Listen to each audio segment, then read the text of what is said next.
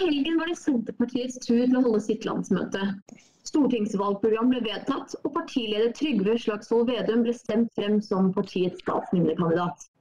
Men hva har egentlig Senterpartiets landsmøte å si for næringslivet? Og kan det faktisk bli en statsminister Vedum? Med oss i studio for å diskutere Senterpartiet har vi rådgiver i First House og tidligere fylkesleder i AUF Nordland, Erlend Skaug Ingebrigtsen, og seniorrådgiver, partner og tidligere justisminister Tor Mikkel Wara. Mitt navn er Anette Ringnes, og jeg er rådgiver og programleder for Firstcast. Velkommen! For Mikkel, i helgen vedtok Senterpartiet bl.a. å innføre en egenandelsordning for tannhelse, redusere eller kutte prisene helt på ferge og hurtigbåt, bygge Nord-Norgebanen, innføre gratis skolemat, oppheve tvangssammenslåingen av fylkeskommunene og øke tilstedeværelsen av det offentlige rundt omkring i Norge.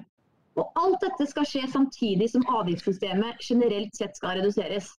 Er dette bare valgkampflesk? Det er en, eh, kanskje den største utfordringen. Men det er vanskelig å analysere Senterpartiet uten å ta med Arbeiderpartiet, eh, og kanskje også SV. Eh, Senterpartiet sier vel sånn at avgiftene og skatter skal ligge omtrent på nivå. Kan sette noen avgifter ned og kanskje øke noen skatter. Arbeiderpartiet har åpna for å øke skattene med 7-8 milliarder, og alt skal tas på formue.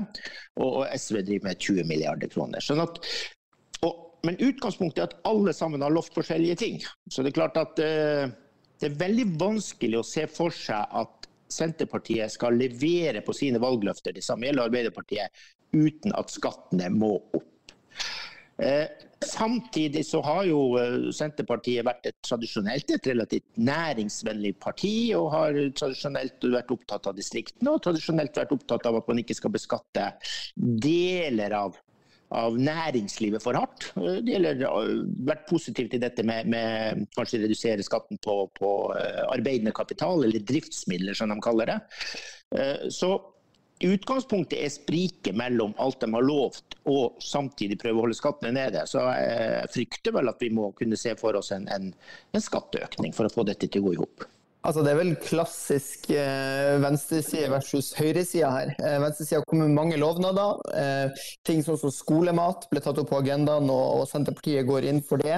Et klassisk eksempel fra, fra venstresida på, på, en sak som de mener er prinsipielt viktig, og som høyresida mener er sløsing med offentlige midler, eller i hvert fall ikke mulig å få til uten å gjøre tilsvarende skatteøkninger eller kutt andre steder.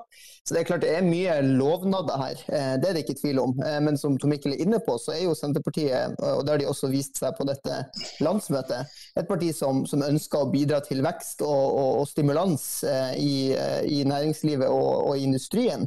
Men det er ikke tvil om at de blir å få litt av et regnestykke som de skal få til å gå opp hvis de nå kommer til regjeringskontorene etter hvert. Mikkel, totalt sett, Vil du si at denne politikken er noe næringslivet kan være fornøyd med, eller er det noe de bør eh, bekymre seg for? Ja, ja altså Senterpartiet vil nok uh, for mange oppleves som en slags garantist for at ikke det blir uh, en uh, for hard beskatning av næringslivet. Og at ikke det blir for mange reguleringer av næringslivet. Senterpartiet har jo også selv sagt at de ønsker å avbyråkratisere for små og mellomstore bedrifter. Og samtidig som de ønsker å ha en industrisatsing i Norge. Eh, og Det er ikke bare reguleringer i tradisjonell byråkratisk problem som, som, kan være en utfordring for næringslivet. Det er jo også at vi har jo miljøutfordringer. Eh, og de rød-grønne, særlig Arbeiderpartiet og SV, har høye miljøambisjoner. De ambisjonene koster penger, men kan også bety reguleringer. Og Her har jo Senterpartiet tradisjonelt vært mer tilbakeholden med å regulere for hardt på miljøsiden. Eh, eh, de har, tvert imot så mener de jo at det er viktig å beskytte norsk industri, og, og kanskje la dem få beholde de fordelene de har, ikke minst når det gjelder kraftpriser bare skyte inn der, og det tror jeg er veldig, veldig riktig det Tor Mikkel sier. og Man hørte det gang på gang i talen til alt fra Trygve eh, Slagsvold Vedum til leder for Senterungdommen Torlik Svelle, at eh, de andre partiene eh, snakka om en, en, klimakamp, og at man skal gjøre, gjennomføre en grønn omstilling men at ingen har realistiske ambisjoner for hvordan man skal få dette til, samtidig som man bidrar til vekst og utvikling og innovasjon og teknologiutvikling vis-à-vis -vis dette. Eh, å holde liv i industrien, holde liv i distriktene, uten å, å, å at man ikke skal gjøre for store oppofrelser på vegne av, av, klimakampen. Og Det har jo fått noen til å være bekymra i forkant av landsmøtet om at det skulle komme f.eks. at man skulle skrote forurenser betaler-prinsippet, noe de ikke gjorde. Um, så det er jo, altså, Landsmøtet gikk veldig greit eh, for seg. Jeg tror nok mange hadde frykta at det skulle bli, eh, skulle bli eh, enda hardere skyts for Senterpartiet på enkelte områder. Så Sånn sett så er det, så er det, veldig, så er det veldig, forenlig med, med vekst og, og videre utvikling noen enkeltpunkter, sånn som markedsøkonomiske aspekter, som, som, Senterpartiet går tydelig ut imot. Eh, Taxinæringa og drosjenæringa skal, skal reddes, og da forsvinner Eh, nok mange tilbud vil i hvert fall oppleve å få ganske hardt press eh, etter hvert. Eh, ting som har blitt innført og, og regler som har blitt slappa mer av under, under den borgerlige regjeringa. Mikkel, du er vår person i studio for Frp. Senterpartiet kjemper i flere områder om de samme velgerne som Frp. Vil du si at dette landsmøtet har gitt noen fordel til Trygve og resten av partiet? Vel, eh, det som nok Senterpartiet har behov for å gjøre i forhold til en del Frp-velgere, eh, særlig dem, og kanskje også for en del Høyre-velgere, det er å berolige dem med at det ikke blir SV-politikk. Eh, og det grepet har jo Trygve på mange måter tatt ved å nærmest lansere seg selv som statsministerkandidat.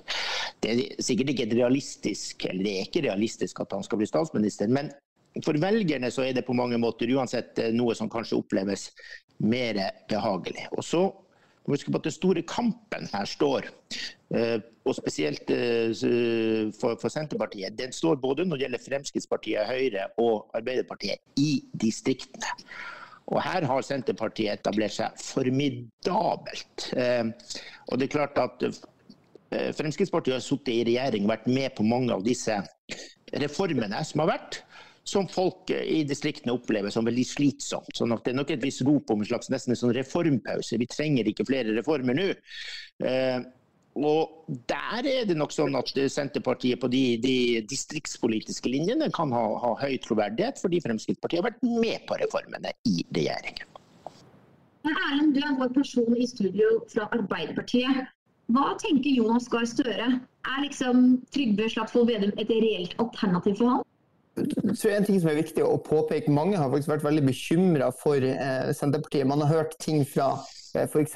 folk i AUF at de er mer redd for Senterpartiet enn for Fremskrittspartiet. Noe som jeg tror mange har lagt ifra seg nå. Men det var en stund der eh, de, de lekte veldig med populistiske tendenser. og Jeg tror eh, dette landsmøtet var, var, ganske beroligende for mange med det å se at mye av politikken samsvarer med den som føres og den som initieres av Arbeiderpartiet og den øvrige eh, venstresida. Men det er ikke tvil om at Senterpartiet blir et, eh, et uromoment etter hvert. Eh, og eh, et stort irritasjonsmoment for folk i, i Arbeiderpartiet spesielt. Når man må forholde seg til f.eks. statsministerspørsmålet som neppe er veldig aktuelt men som må, eh, man må forholde seg til nå som det kandidaturet er, er, lansert for alvor. Og Det gjør situasjonen noe mer komplisert når det skal forhandles om posisjoner, om politikk eh, ved en eventuell, eventuell valgseier. Så ting er blitt mer komplisert, og det fremstår nok mye mer rotete nå på venstresida enn det har gjort tidligere. Selv om jeg vil si at rent politisk så er ting kanskje roligere enn det det noensinne har vært, med et Senterpartiet som er langt mer eh, nøktern i mange av sine eh, de, den politikken som de har, har fatta nå denne, denne helga. Men så Jonas vil ha med SV, og Trygve ikke vil ha med SV. Hvordan skal egentlig velgerne forholde seg til dette? Ja, Nå tenker jeg det ofte sånn at uh, både vi som følger politikk, og kommentatorene og politikerne uh, overvurderer hvor mange sånne taktiske hensyn velgerne gjør. Eh, det er nok en, det er nok en generell stemme på det partiet man liker, og den partilederen man liker. Så regner man med at de ordner opp på en eller annen måte etterpå. Men det er klart at dette, dette usikkerhetsmomentet det er først og fremst en mulighet for Høyre og regjeringspartiene til å lage et generelt et dårligere inntrykk eh, av hva som skjer. Men men svaret er jo alltid valgresultatet viser. Vi vet jo ikke om man trenger SV, sannsynligvis gjør man det. Eh, men hvis de ikke gjør det, så har vi en annen situasjon. Senterpartiet prøver nok å skal vi si, bare slå fast at det for borgerlige velgere ikke er noe risiko med å stemme Senterpartiet. og Det er mer en sånn generell holdningsspørsmål. Eh, men at det de har tenkt å levere, det er distriktspolitikk. Det er nærhet, det er, offentlige serviceetater i distriktene. Det er stopp i disse reformene. Eh, og så tenker jeg nok at Mange tenker at hvis det er det viktigste, så, så stemmer de på Senterpartiet uten å kalkulere det igjennom, sånn som vi av og til gjør litt mye av. Valget er eh, om i underkant av 100 dager, og Senterpartiet gjør det godt på målingene. Hvilke budskap kommer Senterpartiet til å trykke ut til velgerne fremover, tror dere? Er det noe vi bør følge ekstra godt med på?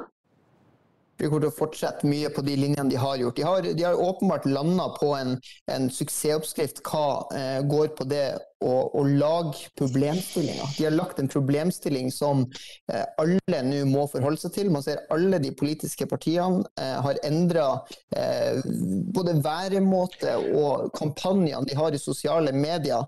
Eh, alt fra de små budskapene eh, til, til de større bildene havna i større grad om ting som Senterpartiet nå har, har trykt inn over tid. Så Jeg tror de kommer til å fortsette i, i samme eh, retning, mer eller mindre.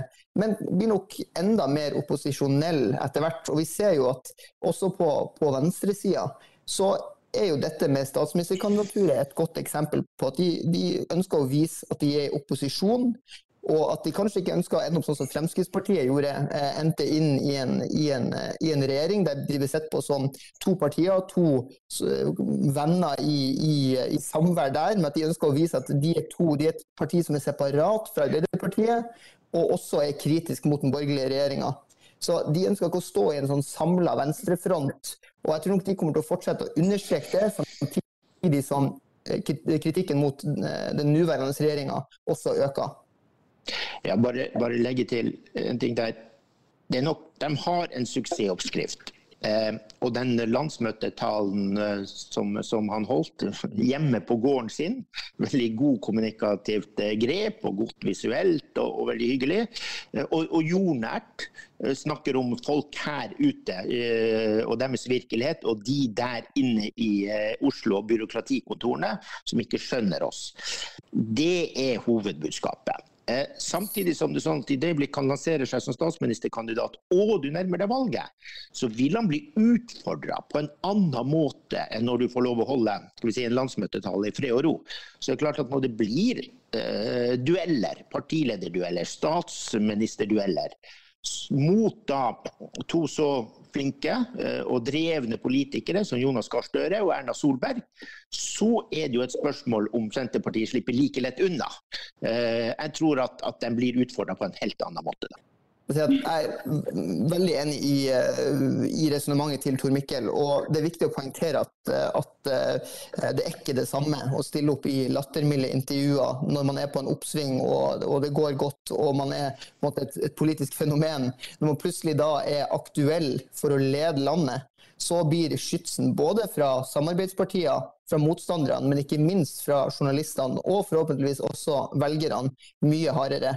Og Det så vi allerede nå eh, på Politisk kvarter, etter at uh, Trygve ble, ble, lansert og han stilte opp mot Erna.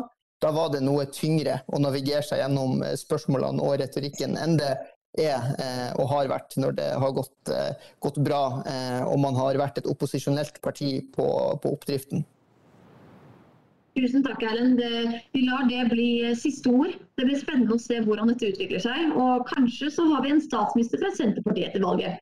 Tiden får vise. Erlend og Mikkel, takk for at dere ble med inn i studio. Og tusen takk til deg som lyttet til denne episoden av Firstcast. Hvis du er en ny lytter, så følg oss gjerne på din foretrykkende lytteplattform. Vi ses om ikke så altfor lenge. Ha en fortsatt fin dag.